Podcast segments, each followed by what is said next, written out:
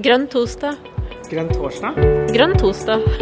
Grønn torsdag. Grønn torsdag.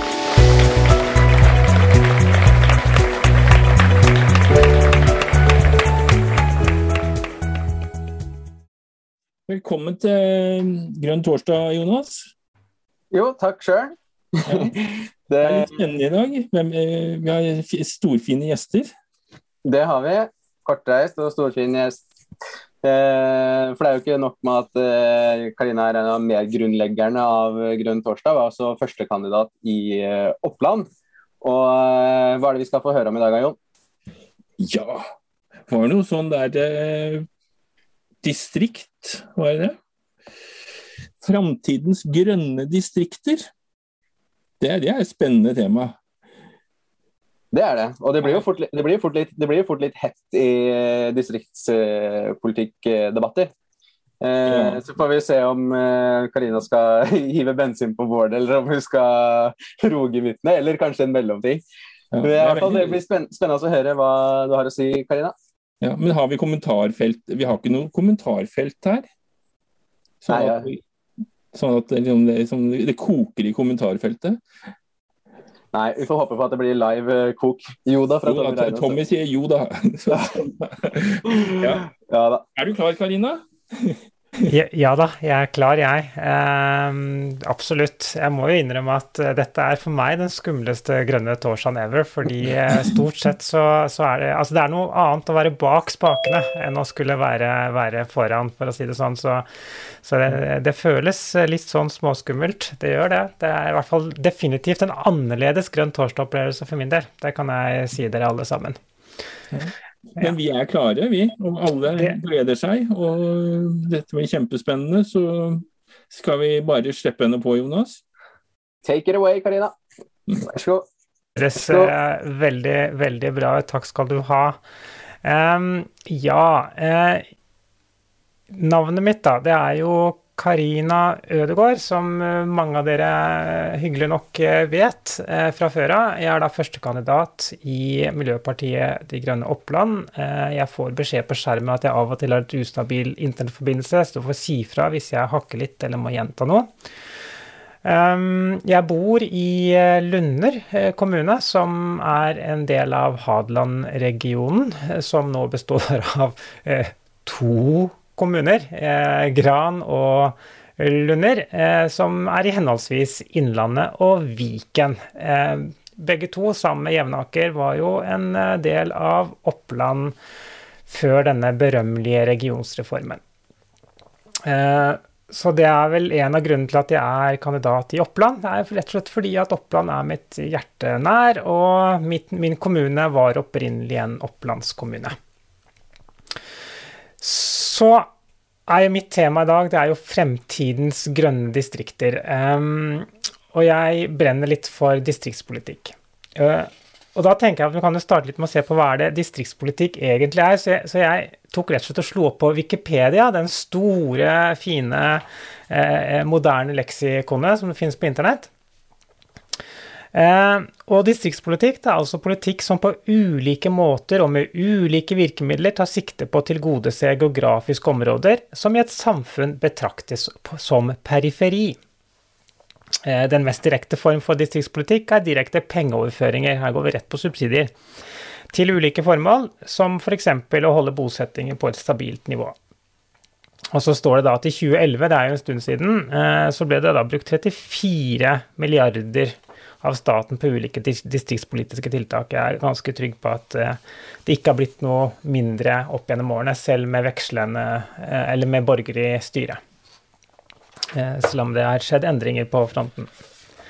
Ehm, så er det sånn at vi har jo, vi har jo et, ehm, eh, et, eh, et program som er vedtatt, eh, og i det programmet så, så har vi det består av 76 delkapitler over 116 sider eller noe sånt. eh, Og ett av de delkapitlene handler jo om, om levende bygder.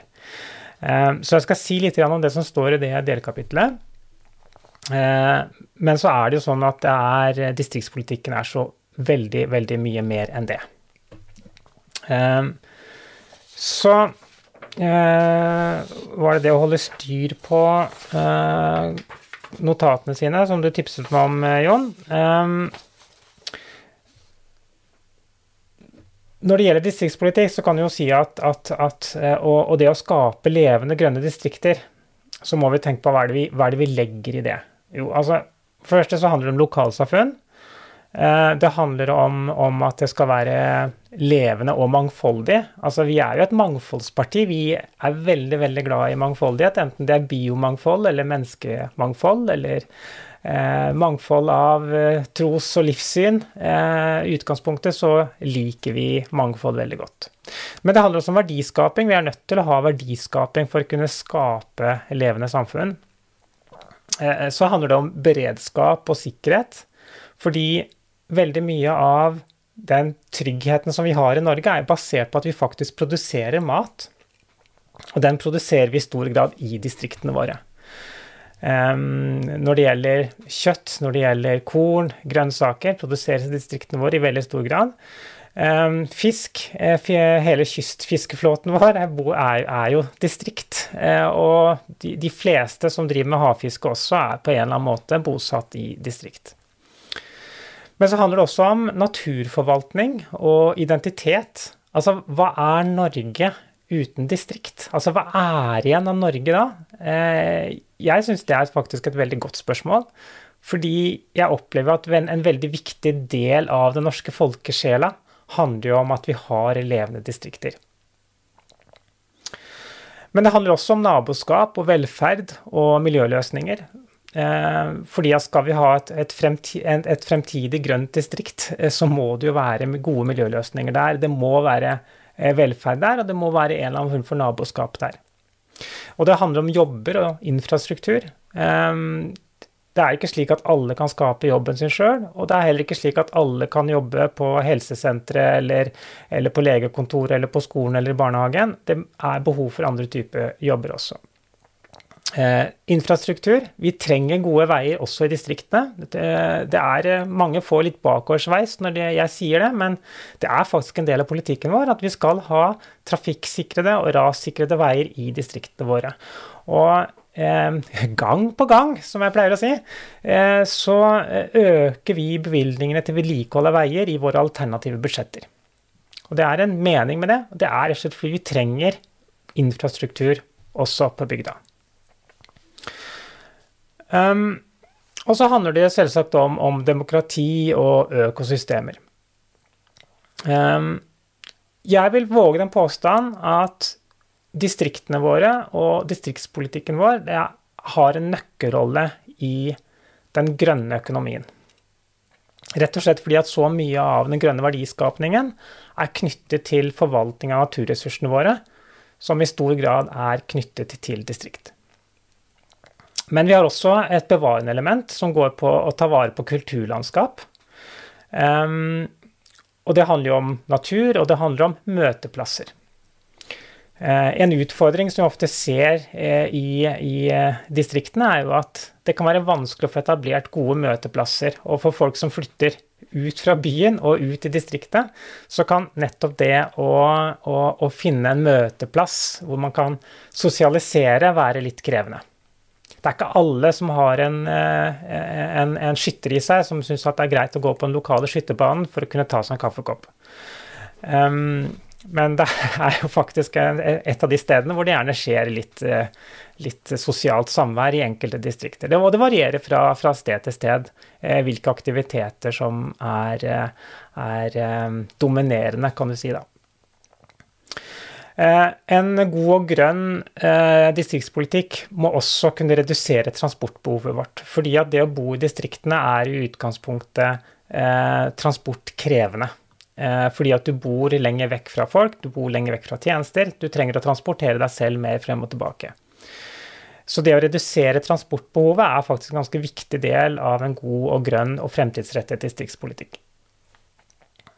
Eh, men så handler det også om å skape lønnsomme og bærekraftige næringer, da.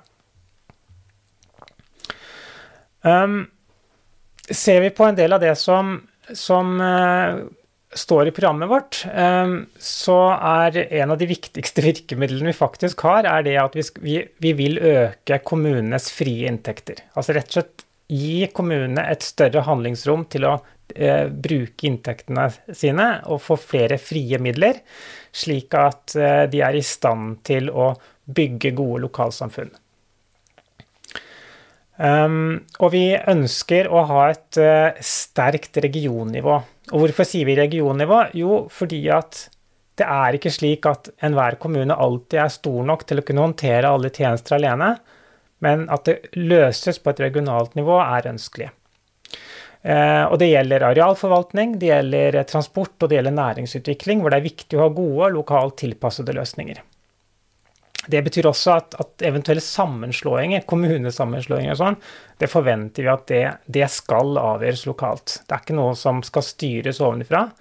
Men på samme måte som eh, flere andre partier, så vil vi eh, kunne ønske å stimulere til gode og regionale løsninger. Og de kan godt gå på tvers av fylkesgrenser og andre regioner. Det viktigste er å få regioner som fungerer. Um, så, så har, vi sagt, har, vi et punkt som heter å øke kommunens økonomiske handlingsrom, og det går mye på de frie inntektene, men det går også på økt mulighet til å kunne ta inn andre typer skatteinntekter. Altså, noen steder så kan det, hvor man har stort påtrykk av turister, så kan det å en, gi kommunen en mulighet til å innføre en turistskatt være med på for kommunen å skape et større handlingsrom for å kunne håndtere de turistene som kommer der, slik at man kan korrigere for Eh, noe av den belastningen som det gir, samtidig som det gir mer verdiskapning for bygda. Um, politi er jo noe vi ønsker nærvær av, så vi ønsker en reell nærpolitireform. Altså ikke en såkalt nærpolitireform, men en reell nærpolitireform. Og en nærpolitireform som handler om å legge ned politikontorer, eh, er nok ikke helt i tråd med De grønnes politikk. Eh, men nærvær av politi. Eh, og så har vi også et punkt eh, som går på utdanning i distriktene. Altså, og et spennende punkt der går jo på, på, på at f.eks. helseutdanning, deler av videreutdanning for, for, helsepersonell, kan fint skje distribuert ute i distriktene. Det ønsker vi definitivt å stimulere til, da. Um, dette var punkter som gikk litt sånn på demokrati og samfunn. Um, når det gjelder uh, klima, så er det viktig for oss å forenkle klimaomstillingen. Uh, og det handler om å forenkle regelverket uh, og øke støtten til tiltak som er på kommunalt nivå. Et av virkemidlene er jo å få flere fagfolk inn i kommunene, slik at kommunene har større mulighet til å bruke fagkompetanse for klimaomstillingen sin. Eh, helt konkret så handler det om at vi ønsker at hver kommune skal ha minst én klimarådgiver, f.eks. Uh, og vi ønsker også en klimalov for kommunene, uh, som rett og slett krever at kommunene skal ha klimaregnskap og klimabudsjetter. Når det gjelder arbeid og verdiskaping, så um, er det jo begrenset hva man kan gjøre for å direkte skape arbeidsplasser. Men én måte man kan gjøre det ganske direkte, det er jo å eh, gjøre det slik at flere statlige arbeidsplasser kan legges ut i distriktene. Det handler ikke nødvendigvis om eh, tvangsflytting av hele avdelinger eller institutter eller noe sånt. Det kan like godt handle om det som jeg liker å kalle for telependling. Eh, hvor man istedenfor å ha hjemmekontor, så, så man kan ha hjemmekontor òg. Eh, men så har man da små kontorfellesskap rundt omkring, og det kan godt være at det er flere arbeidsgivere på samme sted som man da kan reise til, som er mye nærmere hjemme. Og så er man da i kontakt med sin avdeling i Oslo eller i Bergen, selv om man bor på Otta. Um, og når jeg fremmet dette her og snakket om dette her i februar 2020, så ble jeg nesten ledd av. I mars 2020 så skjønte alle hva jeg snakket om. Det var veldig rart skifte. Um, nesten litt sånn sært, for å si det sånn.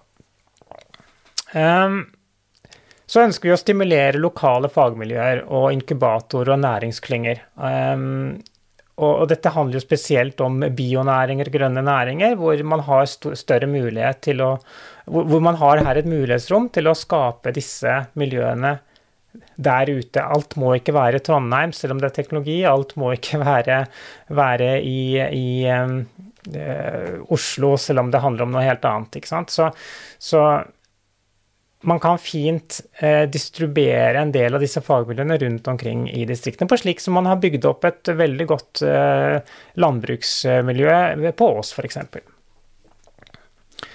Um, et annet viktig virkemiddel for arbeid og verdiskaping er jo å få reelt rullet ut bredbånd i hele landet. Eh, da kan det bli mulig for personer som Jon Lurås å, eh, å ha et hjemmekontor som faktisk fungerer. Eh, fordi at han har tilgang til internett. Og I tillegg så kan han delta på Grønn torsdag med mindre skurring, hvilket jeg syns ville vært veldig veldig hyggelig. da. Um, og så har vi eh, et punkt som heter å øke regionale utviklingsmidler. Eh, og dette går igjen på å stimulere utviklingen av gode regioner og godt regionsamarbeid. Og det kan som sagt gjerne gå på tvers eller være internt i fylker. Eh, så ønsker jeg en belønningsordning hvor vi belønner nettmøter fremfor fly. Og det Eh, hvordan vi helt skal gjøre det helt eksakt eh, Det må jo være en eller annen skatteinsentivordning, tenker jeg, at vi må gjøre det, gjøre det sånn.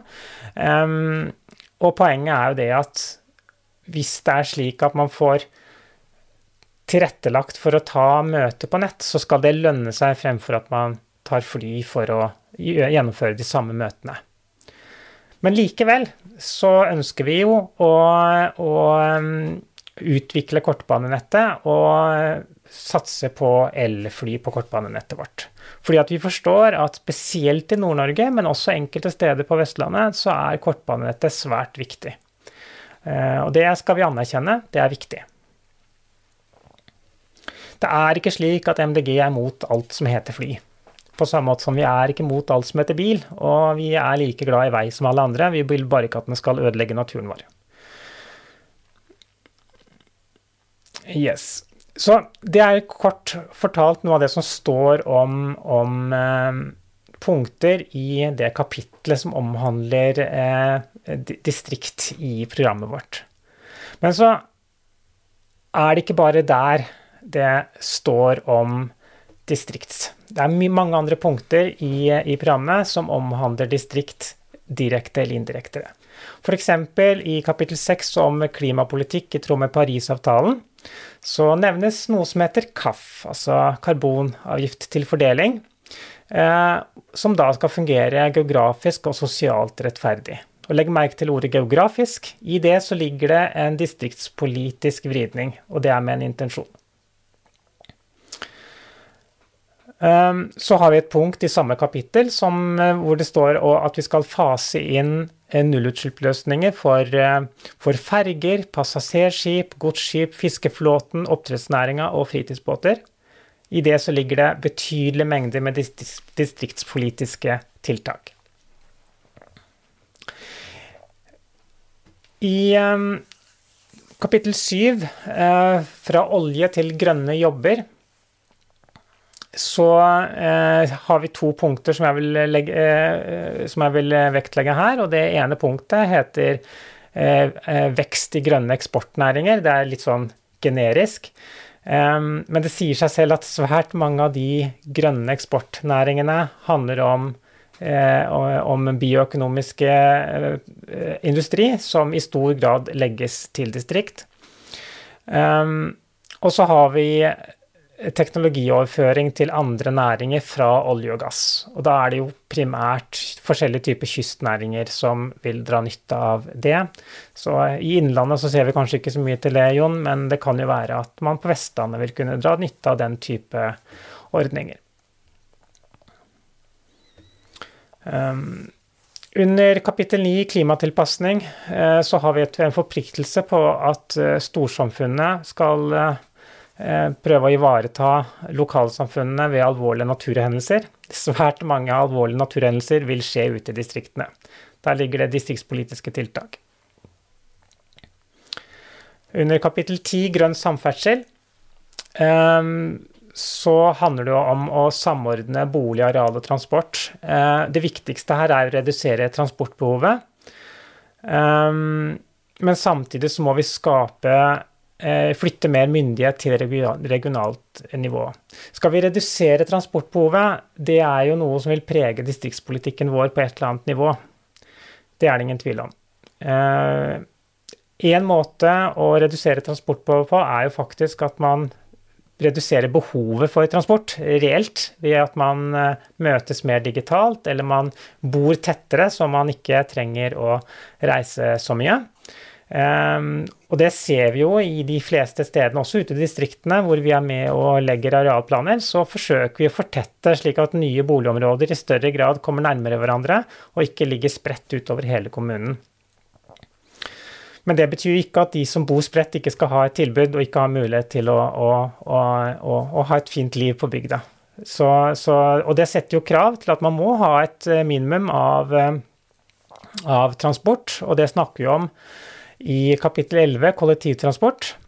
Og der har vi et punkt som heter å prøve ut og satse på nye teknologier og transportløsninger et, eh, og, og for å få et mer brukervennlig kollektivtilbud i distriktene. Og noen av de punktene som man da kan teste ut, er jo f.eks.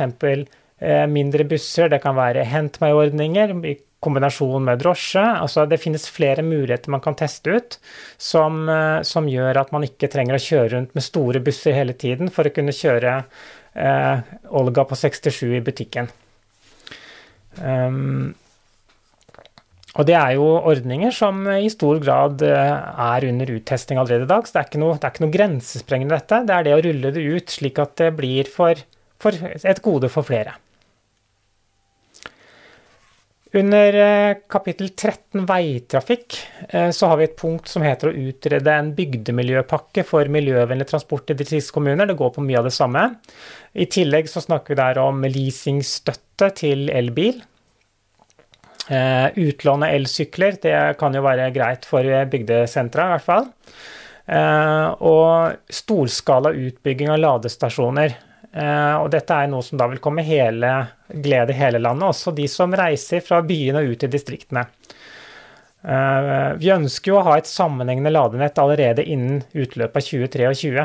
Eh, det er ganske forpliktende. Altså, da skal vi starte altså Kommer vi i posisjon til, til, til høsten, så må vi jo sette i gang umiddelbart på det første statsbudsjettet for å få til det og utbedre eksisterende veier. Kjempeviktig punkt. Så har vi i kapittel 14 om sykkel og gange, så vi, snakker vi om en nasjonal sykkelstrategi. Eh, det som er viktig, er jo en sammenhengende infrastruktur for syklene. Eh, kanskje primært eh, for Eller også for sykkelturisme, men også de som bor ute i distriktene, trenger en bedre sykkelinfrastruktur.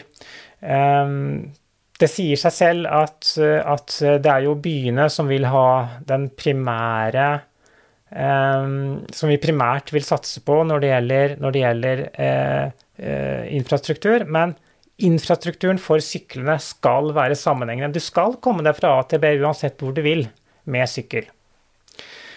Um, så er det klart at uh, du skal ikke lenger enn fem mil utenfor Oslo, så finnes det knapt en sykkelsti på ganske hardt trafikkerte veier. Og da har vi en utfordring. Men ambisjonen er klar. Det skal være en sammenhengende infrastruktur for syklene. Um, ja, på luftfart, det har jeg for så vidt nevnt, eh, så er det å utvikle utslippsfri flytransport for kortbanenettet. Det er et ganske viktig tiltak. Eh, når det gjelder varetransport, kapittel 17 altså, Dere ser jo, ikke sant, det er noen punkter som er knyttet til distriktspolitikk i nesten alle kapitlene. Ikke så mange punkter, men det er noen. Um, så handler det om å redusere behovet for transport um, ved å stimulere til lavere forbruk. Her kommer, uh, kommer, dette med lavere forbruk inn også. Um, og vi ønsker jo mer kortreist varehandel. Det betyr jo mindre langtransport for eget bruk i landet, da. Uh, og en mer sirkulær økonomi. Um, denne smultringøkonomimodellen uh, er jo også uh, en form for distriktspolitisk tiltak, fordi du skal, du skal jo få ting til å henge sammen overalt. Eh, og så er det et virkemiddel her som jeg vet at eh, en gruppe som antagelig i liten grad stemmer på oss, vil sette pris på. Og det er at vi ønsker å styrke tiltak mot kabotasjekjøring. Altså som, alle som transporterer varer i Norge, skal ha ordnede forhold. Um, så hvis det er en eller annen trailersjåfør der ute, vi heier på deg tross alt, selv om vi vil at mest mulig av det du kjører, skal over på bane. Under kapittel 18, som handler om grønn styring av økonomien, ehm, så handler det mer om de verktøyene vi bruker for å, å, å, styre politikken vår. Og det går mye på areal- og naturmangfold, og der må vi innarbeide budsjett og regnskap i, på kommunebudsjettnivå. Um, det er jo for så vidt ikke et distriktspolitisk virkemiddel, men det er definitivt et virkemiddel som vil påvirke distriktene, hvordan man tenker i distriktene. Um, og det er viktig, viktig, for at vi skal kunne uh, jobbe videre med distriktene våre uh, og utviklingen av tettsteder. Det å ha innarbeidet prinsippet for arealnøytralitet, og at du hele tiden skal tenke naturmangfold når du utvikler bygda di. Eh, et annet punkt under grønn styring av økonomien, så er det jo å redusere det vedlikeholdsetterslepet vi har i offentlig infrastruktur. Og det gjelder ikke bare vei. Det handler om vann, og det handler om avløp. Eh, det er det som er det triste. Ikke nok med at det moderne samfunnet eh, bygger opp en betydelig naturtapsgjeld for fremtidige generasjoner, en betydelig klimagjeld for fremtidige generasjoner. Men i tillegg så etterlater man et, eh, en infrastruktur både eller vann og avløp som har milliardetterslep eh, i forhold til behov for vedlikehold. Så det er ganske systematisk at eh, vi skyver disse kostnadene foran oss. Og vi er eh, blant de som da ønsker å gjøre noe med det. Det betyr jo litt mindre eh, på oss som lever her og nå, for at vi skal kunne ha litt mer for de som kommer etter oss. Ehm, så jeg ser jo at det er jo kanskje ikke det beste innsalget, men det er definitivt det smarteste.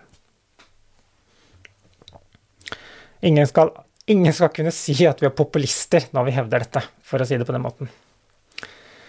Men eh, må vi ikke være populister for å få folk til å høre på oss? Jo, kanskje. Det er kanskje der vi feiler. Det er derfor vi er et, eh, et 4-5 %-parti istedenfor et, eh, et 30 %-parti, uten sammenligning til de som har vært i nærheten av det. Um, jeg tror jo at dette vil endre seg, og jeg tror at uansett så må vi jo være tro mot uh, hvem vi er og hva vi står for. Altså vi står jo for en reell forsvarlig politikk, og det eneste forsvarlige er jo at man tar vare på det man har. Ja. Men alle disse punktene du har eh, ramsa opp nå, eh, hvilke punkt er det som du vil mene at det er lettest å selge inn, da? Altså et seriøst punkt som er eh, ja, grenser til populisme, da, men det er, det er faktisk bønnsolid. Altså, vi, som da enhver som hører dette, må bare si ja!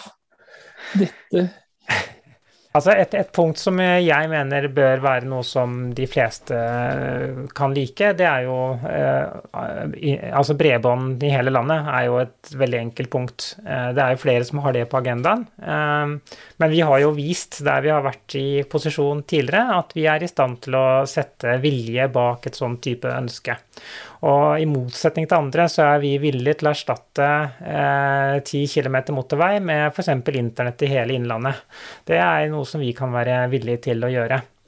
Og det, det skal ikke mer til eh, enn at du tar bort en mil her og en mil der med ny firefelts motorvei, så har du finansiert utrolig mye bredbånd.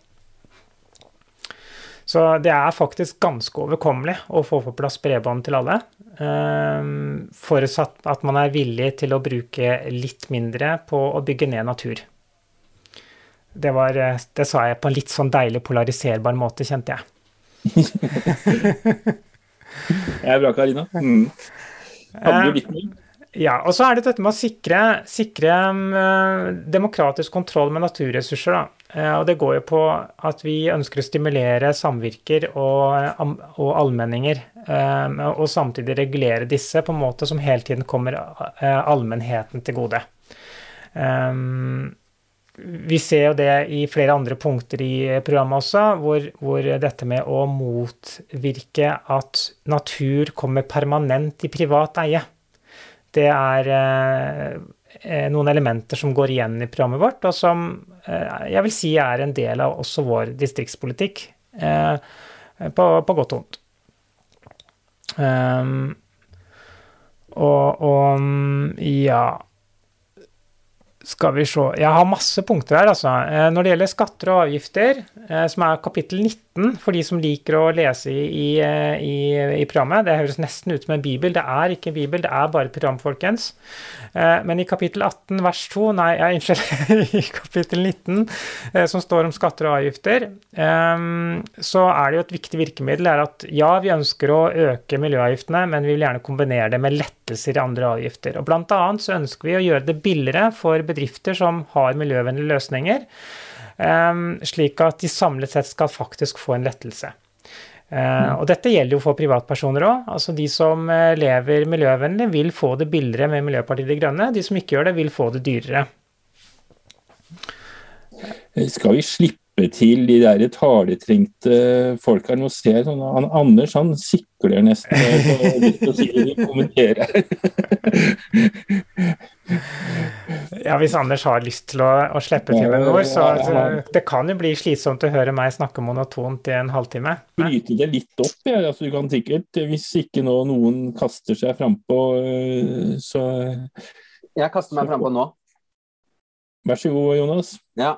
Eh, og det spørsmålet mitt, det er, det er jo kanskje litt brennbart, det. Men eh, urbanisering er jo en global trend. Ja. Eh, det skjer jo overalt. Ja. og på en måte er det Hvor mye kan man gjøre politisk, og hvor mye er på en måte kulturelt med det? da? Det syns jeg er litt sånn interessant diskusjon. Da. Det er jo kanskje et stort tema å sende deg i fanget her, Karina, men jeg lurer litt på hva du tenker om det? da? Ja, Det er et kjempestort tema å sende i fanget mitt, fordi at eh, det er jo en kjempestor eh, internasjonal trend. Og, og, det, vi, og det, vi, ser, er jo at, at, eh, i Skandinavia så har jo Norge vært et av de landene som har hatt et, mest, et veldig bevisst forhold til at vi skal ha levende distrikter. Med skiftende regjeringer så har vi hatt det. Og det gjør jo at, at denne urbaniseringen har jo ikke kommet så langt i Norge som den f.eks. har i, i Sverige. Altså, det er jo ganske like områder, og over grensa så, så, er det en forskjell, for å si det sånn. Kjører du, kjører, kjører du E6-en oppover, så er det liksom en bolig både her og der på de rareste steder. Gjør du det samme i Sverige, eh, så kan du kjøre 16 mil uten å se snurten av et bygg. Ehm, så det, det er virkelig en, en forskjell.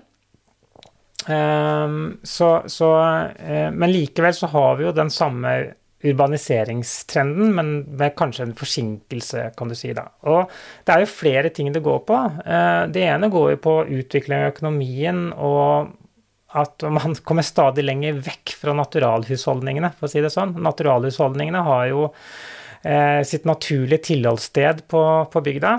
Eh, mens, i, mens i byene så drar man godene av at man har penger. Det hjelper ikke å ha så mye penger på bygda når du ikke har en kafé å bruke dem på. Um, mens, mens, mens, i byen så har du plenty av steder og muligheter og tilbud du kan bruke pengene på, enten det er å gå på teater, se opera, eller gå på kafé, eller uh, finne på et eller annet som sikkert uh, forurenser ganske mye, men som er veldig gøy. Det kan du gjøre masse av i byen, mens på bygda så, så har du mer begrenset med den type tilbud. Um, så det er jo én trend rundt det. Jeg er jo ikke forsker på dette, så, dette jeg, så her er det helt sikkert ting som, som, er veldig viktige som jeg ikke har nevnt nå. Eh, men så har vi også fraflyttingstrender som går på at når folk først eh, reiser et sted for å ta en utdannelse, så har de tendens til å bli, bli, værende der de tok sin utdannelse. Og Derfor er dette her med distribuert utdannelse og mulighet for videreutdanning ute i distriktene et veldig, veldig viktig tiltak da, for, å, for å, å, å skape mulighet for at man skal kunne være og, og bli værende på, på, på, bygda. Og det er klart at det er ikke så gøy å være ungkar og ikke ha noen damer rundt seg. Eh, jeg kan jo se det. Eh, så, så man, man, vil jo på en måte treffe folk, og, eller de fleste vil det, og sosialisere seg på forskjellig vis. Og bygda er ikke bare for, for einstøinger, definitivt ikke. Men det er plass til einstøingen også, kanskje i større grad på bygda enn i byen. Det er det. Det skal man ikke glemme. Um, så, så, Og her er det et viktig poeng, da. fordi at et, altså, Miljøpartiet De Grønne har jo et av de tøffeste eh, landbruks et av de partiene med tøffest landbrukspolitikk, vil jeg påstå. Altså, vi, vi sier jo rett ut at vi virkelig ønsker at bøndene skal ha det bra, de skal tjene veldig ok. Eh, og, og, og, vi ønsker at de skal få bedre arbeidskår med mindre stress, med eh, mulighet for å gi dyra bedre dyrevelferd, eh, og samtidig at dette skal vi være villige til å betale for. Det er det vi sier, og det er en ganske kraftig kontrast til veldig mange av de andre partienes politikk når det gjelder landbruk. Men så er det sånn at hvis, hvis, hvis f.eks. jeg skulle ha funnet meg en, en bonde, da, um, så er det ikke sikkert at, at, det passer meg å være bonde, men, men, men han er jo det. Eh, jeg må også ha en jobb, ikke sant. Så, så vi, jo, vi må ha jobber utover det som er i primærnæringene. Så det å skape... Og der kommer bredbånd inn i bildet? Og der kommer bredbånd inn i bildet. For det skaper et helt annet mulighetsrom for å skape arbeidsplasser. Både teknologiske arbeidsplasser, altså hvor man produserer og lager ting i et stort nettverk hvor man er rundt omkring, kanskje i hele verden. Ehm, men, men, men også at man kan faktisk da ha en rådgiverjobb et, eh, i et rådgiverselskap, eller i staten, eller et eller annet, hvor selve kontoret egentlig er et annet sted. Mm. Vi skal pushe mer på den der, Karina. Spesielt den der med at du skal bli eh, ei bondetype og, og Ja. Eh, det er sånn at når jeg er, eh, er på hos noen bønder lokalt der jeg bor, så, så hender det at altså jeg driver med lukt sånn til vanlig. Så, så da kan jo jeg si, estimere luktutslippet basert på hvor langt unna jeg trenger å gå før jeg ikke kjenner lukta. Så det syns jeg for så vidt er litt artig. Og de ser rart på meg, disse bøndene, når jeg gjør det. Um, ja. men, men, eh, jeg tenker jo altså, Her må folk kaste seg på, hvis ikke så fortsetter Karina på punkta sine. var, det, kom, var, det kom Anders, var det en trussel, Jon? der kom de med en gang, du. ja, Anders, er du klar? Ja, ja, du ville jo så gjerne at jeg skulle si noe. Jeg er jo, det er vel fordi du vet at jeg ikke er av den typen som klarer å holde kjeft likevel. Um, Nei, Jeg har bare lyst til å legge til, siden du har toucha innom eh, landbrukspolitikken og sånt, nå, at eh, det er, det, I landbruket i dag i Norge så foregår det jo en stor sentralisering. Det legges jo ned dusinvis av bruk eh, hver måned. Eh, så, og det er, det er rent faktisk en sentralisering i det. Og, og den, Det er en trend vi ønsker å snu, og vi har eh, lansert, lansert, flere ganger da, eh, virkemidler for å kunne snu det. Eh, og drive Sånn at det lønner seg å drive mindre bruk og kunne eh, slippe å, enten legge ned og drive og bare bo et sted og forpakte bort jorda eller selge jorda eller sånne ting. Men faktisk drive den jorda sjøl. Og Hvis du går på finn.no i dag, så er det nedlagt småbruk er en av de store greiene. da. Ja. Men da gjerne til fritidsformål veldig ofte. Um, ja. uh, det er veldig fint at du sier det du sier, fordi, fordi at um, en av de kule virkemidlene som vi også snakker om i programmet, uh, bl.a. i kapittel 22, en fremtidsrettet og modig næringspolitikk, Eh, det er at vi ønsker å bruke offentlig innkjøpsmakt for å skape nye grønne næringsmuligheter. Og det handler like mye om å stimulere lokalt næringsliv, eh, stimulere til økt bruk av, eh, produksjon av økologiske produkter, eh, og, og, og, og, stimulere til lokale arbeidsplasser. Eh, så det er et veldig veldig spennende punkt. Eh, og vi, vi har jo også fremmet dette her i, i lokalt i, i, kommuner i forhold til innkjøpsstrategier eh, og innkjøpssamarbeid. og også fått til dette i, i, interkommunale innkjøpssamarbeid, hvor vi har klart å faktisk å fremme samme vi måtte fremme det like det samme forslaget i flere kommunestyrer. Og det har vi fått til, og det har gått igjennom i alle sammen. Og det har jo da økt, økt den dokumenterbare innkjøpsverdien av lokale tjenester. Og det er vi er faktisk veldig stolte av. Hmm. Takk eh, Karina, og takk eh, Anders. Da er det Per Olav i Malvik. Vær så god. Takk. Eh, interessant, masse interessant. Jeg ble litt interessert i det med både kombinasjonen av bredbånd og det med små kontorfellesskap. Eh, det er jo sånn at eh, Veldig mye av jobbene vi har nå, de er jo ikke lenger praktiske, de er jo digitale. Eh, jeg har jo en kone for eksempel, som driver med kjøp og salg, men alt er jo digitalt. Men det å sitte hjemme mm. dag ut og dag inn, det har jo mange av oss fått merka nå når vi sitter hjemme et år snart. Det er jo helt håpløst. Så man må jo komme seg ut. Men Spørsmålet blir hvordan skal små bygder og kommuner klare å lage sånne løsninger? Hvordan skal man klare å finansiere det? Det er det som jeg litt lurer på. da. Noen har noen tanker om det? Det, ja, det, er ikke nødvendigvis så fryktelig komplisert. Eh, vi ser, eh, For det første så er det jo flere steder hvor man har hatt kommunesammenslåinger, hvor man har et kommunehus til overs. Eh, hallo, det er ganske enkelt hva man kan bruke det til. Eh, og, og um, man trenger ikke mer enn en et bygg eh, for å få det til. Eh, det trenger ikke være superfancy, selv om det er veldig hyggelig om det er superfancy. Um, og vi ser også eksempler på, på eh, privatpersoner som lager eh, lager kontorfellesskap, f.eks. i Det er litt trist, egentlig, i, i, i nedlagte låver. lover. eh, altså, du bygger om en låve til kontorfellesskap og skaper på en måte et, en, en, en, ny merverdi i låven. Eh, og så lenge jorda blir drevet, så er det for så vidt helt, helt greit, det. Og da, og da, får man noe som er veldig lokalt, og unikt, ikke minst. Du, du kan sitte nesten ute på jordet, men med tak over hodet og fin utsikt og godt og varmt. Ehm, eller eventuelt med aircondition, om så skal være. Og, og ehm, ha din kontorjobb og være i kontakt med, for å sitere noen, eliten i Oslo. Ikke sant? Det, du, du, kan være, være en av de store, men være der ute. Nå mener jeg at det er bonden som er helten her, da, så sånn sett så er det Vi får heller si en av de små, da.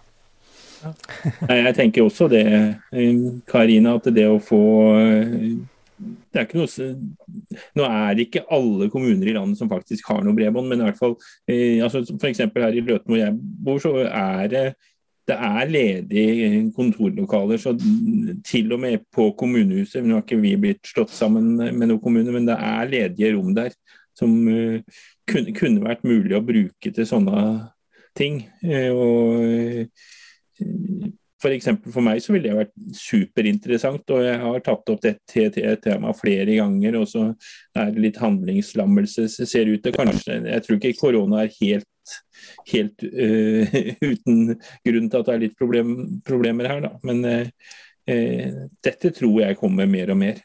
Mm. Absolutt.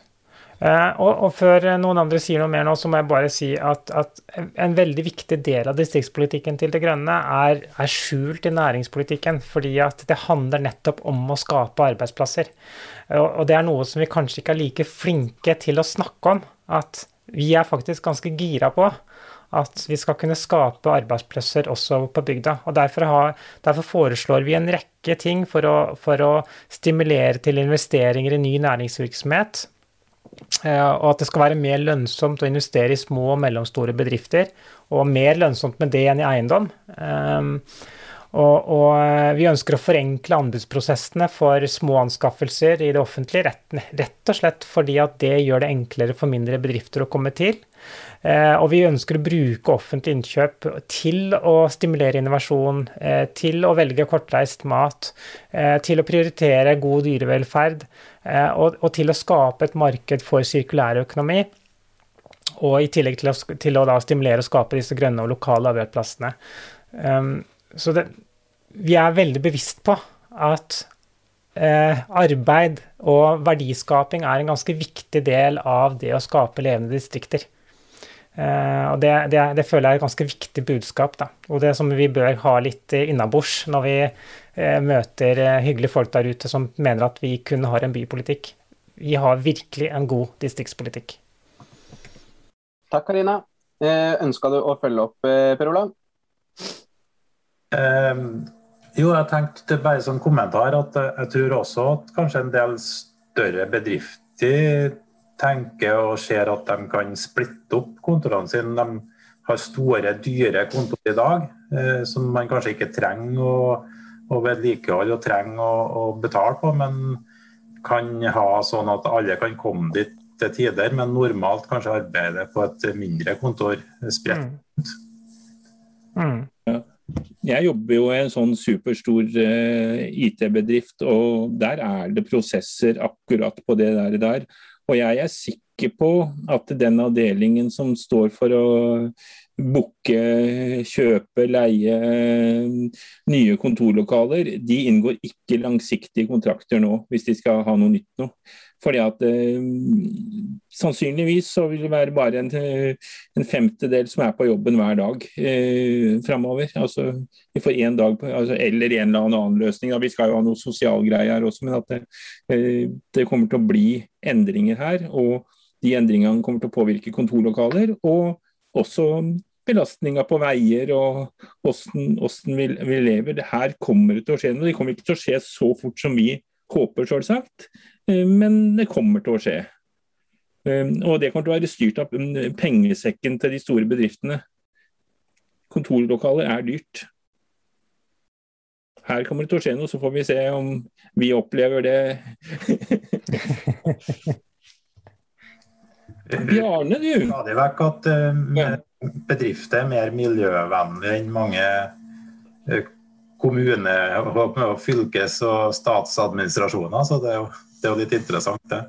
Ja, men det er jo pengesekken som styrer, vet du. Det er, ja, så. ja, det er det. Mm.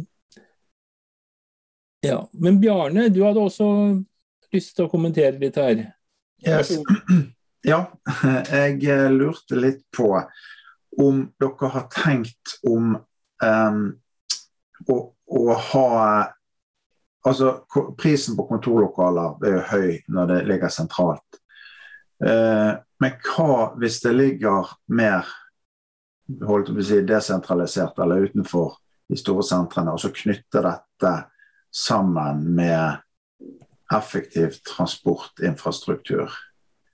Kjenner dere til noe av sånn type teknologi? Eh, den type teknologi er jo Altså, teknologien er jo det vi bruker eh, nå til en viss grad. Eh, altså at man har en mulighet til å møtes eh, digitalt. Det man trenger, det er jo å ha tilpassede eh, kontorlokaler hvor man kan skape møteplasser på tvers av hvor man faktisk er.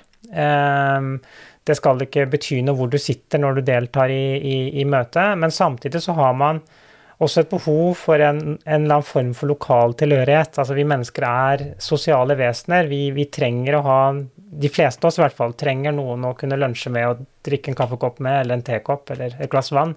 Um, og prate litt, enten det bare er fjas eller å prate jobb. ikke sant? Altså Vi, vi trenger det. Uh, så Derfor handler dette kanskje i større grad om uh, små lokale kontorfellesskap hvor man ikke nødvendigvis jobber i samme selskap. Fordi at da har man veldig mye større frihetsgrader til å leie inn akkurat den mengde med kontorplass som man trenger til, for den enkelte bedrift. Uh, og, og, dette er, er typer eh, kontorfellesskap som det er Altså de er under utvikling, og det er flere steder hvor man ser at dette her er i ferd med å etablere seg. Så dette, dette kommer jo av seg sjøl, men med, enda, med litt, litt, mer hjelp og litt styrt hjelp, så vil dette kunne eksplodere og bli veldig, veldig bra. Eh. ja, ja, superbra. Altså sammen elektronisk er jo superbra med mer fiber og internett i distriktene. ja. Mm. Men, mm. men eh, der foregår mye fysisk reising òg. Så eh, eh, det blir litt sånn en sånn metapoeng at eh, den reisevirksomheten vil vel ikke avta eh, sånn automatisk. Lurer om dere kanskje har dere hørt om noe fysisk transportteknologi som kan binde tettsteder og byer sammen tettere, Karina eller Jon? Har dere hørt om det? Nei, altså, altså transport, på. Transportbehovene, transportbehovene dekkes jo på, på samme måte som i dag. Man har bil, man har buss, man har sykkel, Eh, man har fly, man har tog. Og det er klart at, eh, at jeg skulle gjerne sett at vi, hadde, at vi knyttet eh, alle byene sammen med masse distriktssteder med Maglev f.eks., hvis det er det du er ute etter, Bjarne. Jeg tror det er en kjempegod idé. Men med en kvart milliard per kilometer så koster det litt, da. Ikke sant? Så, så, så vi må jo ta utgangspunkt i at der vi er nå, så er, er jo er jo bilen er det primære transportmiddelet på bygda per i dag, selv om vi ønsker å gjøre det mulig for alle å kunne reise kollektivt uansett hvor du vil. Og for så vidt også eh, billigere enn i dag. Vi går til valg på at vi skal ha 20% reduksjon på kollektivprisene. Nevne én liten ting, det er sånn viktig metapoeng. at eh, når jeg begynte å snakke om Maglev, så, så, var det litt innenfor ramme, på en måte rammene til at det er, var en diskusjon om lyntog. sant? Og nå har jo det blitt skrevet Nå var det jo eh, Bare for en drøy uke siden tror jeg, så skrev jo MDG om lyntog mellom Bergen og Berlin, altså Bergen og Oslo og uh, Oslo og Göteborg. ikke sant? Og, så, så uh, er, det, er det good? Hva tror du det kommer til å koste per kilometer? Altså, jeg tror det kanskje kommer til å koste mer per kilometer. Mm. Uh, men jeg skal ikke si det sikkert. Men det, det er den innenfor rammene, hvis vi sier nei til Magla, hvilket er OK, om vi sier ja til lyntog, som koster men, men, men, Bjarne, jeg vil stoppe deg nå, for at nå går vi inn på en samferdselsdiskusjon, og det er distriktspolitikken vi skal diskutere i dag. Eh, selv om jeg, det er veldig, veldig, gøy og interessant, eh, det å diskutere eh, samferdsel, som jo er en viktig del av distriktspolitikken, men det er bare en liten del av distriktspolitikken. En enda viktigere del av distriktspolitikken handler om næringspolitikk og hva folk skal leve av. At man har levende og gode møteplasser og, og bomiljøer. Da skal jeg ikke snakke, men Kan jeg bare stille ett ja-nei-spørsmål? Er, er MDG uh, eh, offisielt for lyntog mellom Bergen og Oslo og Oslo og Göteborg? Er det sånn offisiell politikk, eller er det mer sånn For Arild Hermstad, som, er, som jo er en av de fremtredende, han, han skrev jo om dette i Bergen. Eller han ble intervjuet av journalisten. Jeg, jeg, kan, jeg, kan, si så mye om, som at Maglev er nevnt i programmet. Mm. Ja. Mm. ja. Da kan du finne det fram, og så kan du lese det og kose deg. Um, Men jeg tror Jonas har lyst til å snakke litt nå, Karina, for nå har han sittet og grubla lenge på ja, men, men jeg, jeg, vil også bare nevne, før du da setter over til, ordet over til Jonas, at, at det er massevis av andre deler av programmet hvor vi berører distrikt. Og én ting som vi ikke har snakket om, det er fiskeripolitikken. Jeg bare nevner det. Eh, Jonas? Nå fikk jeg jo lyst til å begynne å snakke om fiskeripolitikken, men jeg må nesten ta det jeg hadde tenkt på først. fordi at jeg, eh, du, beskri, du, beskrev jo egentlig meg her i stad. Jeg er jo distriktenes verste fiende. En sånn som flytta til byen og blei der. Det er jo helt, det er, det, det er jo helt håpløst. Uh, og så tenker jeg på det, det om at bedrifter kan dele kontorlokaler på, på mindre plasser, er jo en kjempegod idé. Uh, og så uh, går hjernen, mitt, hjernen min umiddelbart til OK, hvem skal koordinere det her? og så OK, gamle kommunale bygg. Kan vi ha kommunale foretak som organiserer dette og selger kontorplasser, på en måte? Altså, hvordan for jeg ser jo for meg at det, det, skal, det skal ganske mye til da, for at mange bedrifter blir enige om å uh, inngå en sånn type avtale som vil være nødvendig uten at noen kanskje sitter med en total oversikt, eller hvordan, hva tenker du om det? Alt handler om en kritisk masse. Så når man er over en kritisk masse, så vil man få et, et selvregulerende marked på området. Eh, så det er klart at eh, det offentlige bør nok eh, bidra i starten til å stimulere, men samtidig så ser vi jo at helt uten offentlig stimuli, så er jo denne type lokaler i ferd med å vokse opp allerede i dag.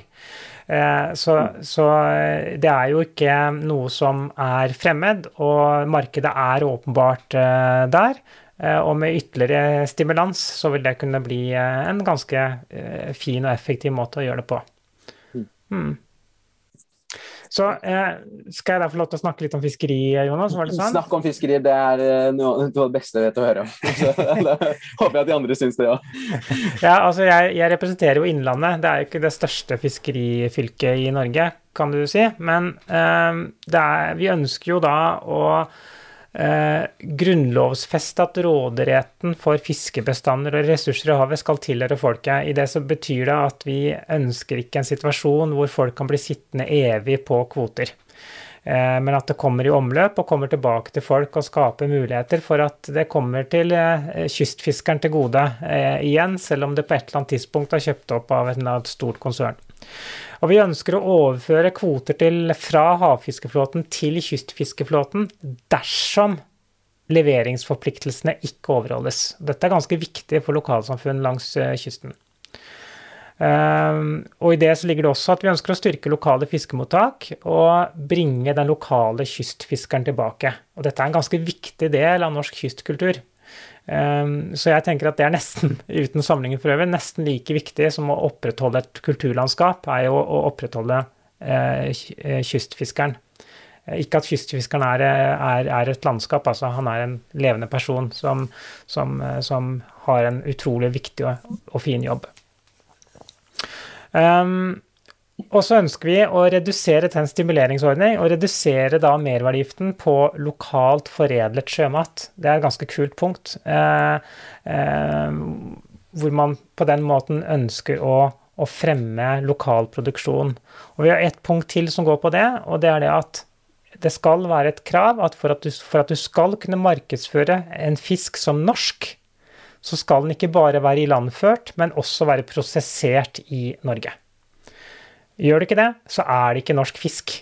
Det er her det fisk eh, fisket av en eller annen, kanskje på et norsk skip, ilandført kanskje i Norge, men prosessert enten det er i Estland, Polen eller Kina. Eh, fisken er sikkert like bra, men da er den ikke norsk. Um, så ikke et negativt ord om de dyktige folka i Polen som, som lager veldig mye sursild, eh, som du finner i hyllene i Norge, eh, men den er ikke norsk lenger. Det er den ikke. Selv om den er god, da, for all del. De, de, kan håndverket sitt. Er det noe de kan i Polen, så er det sylting. Det skal jeg love deg. Um, yes. Eh, når det gjelder oppdrett og havbruk, da, eh, så er det jo det å få til en hjemfallsordning for å hindre at, uh, at man får en privatisering av fjordene våre.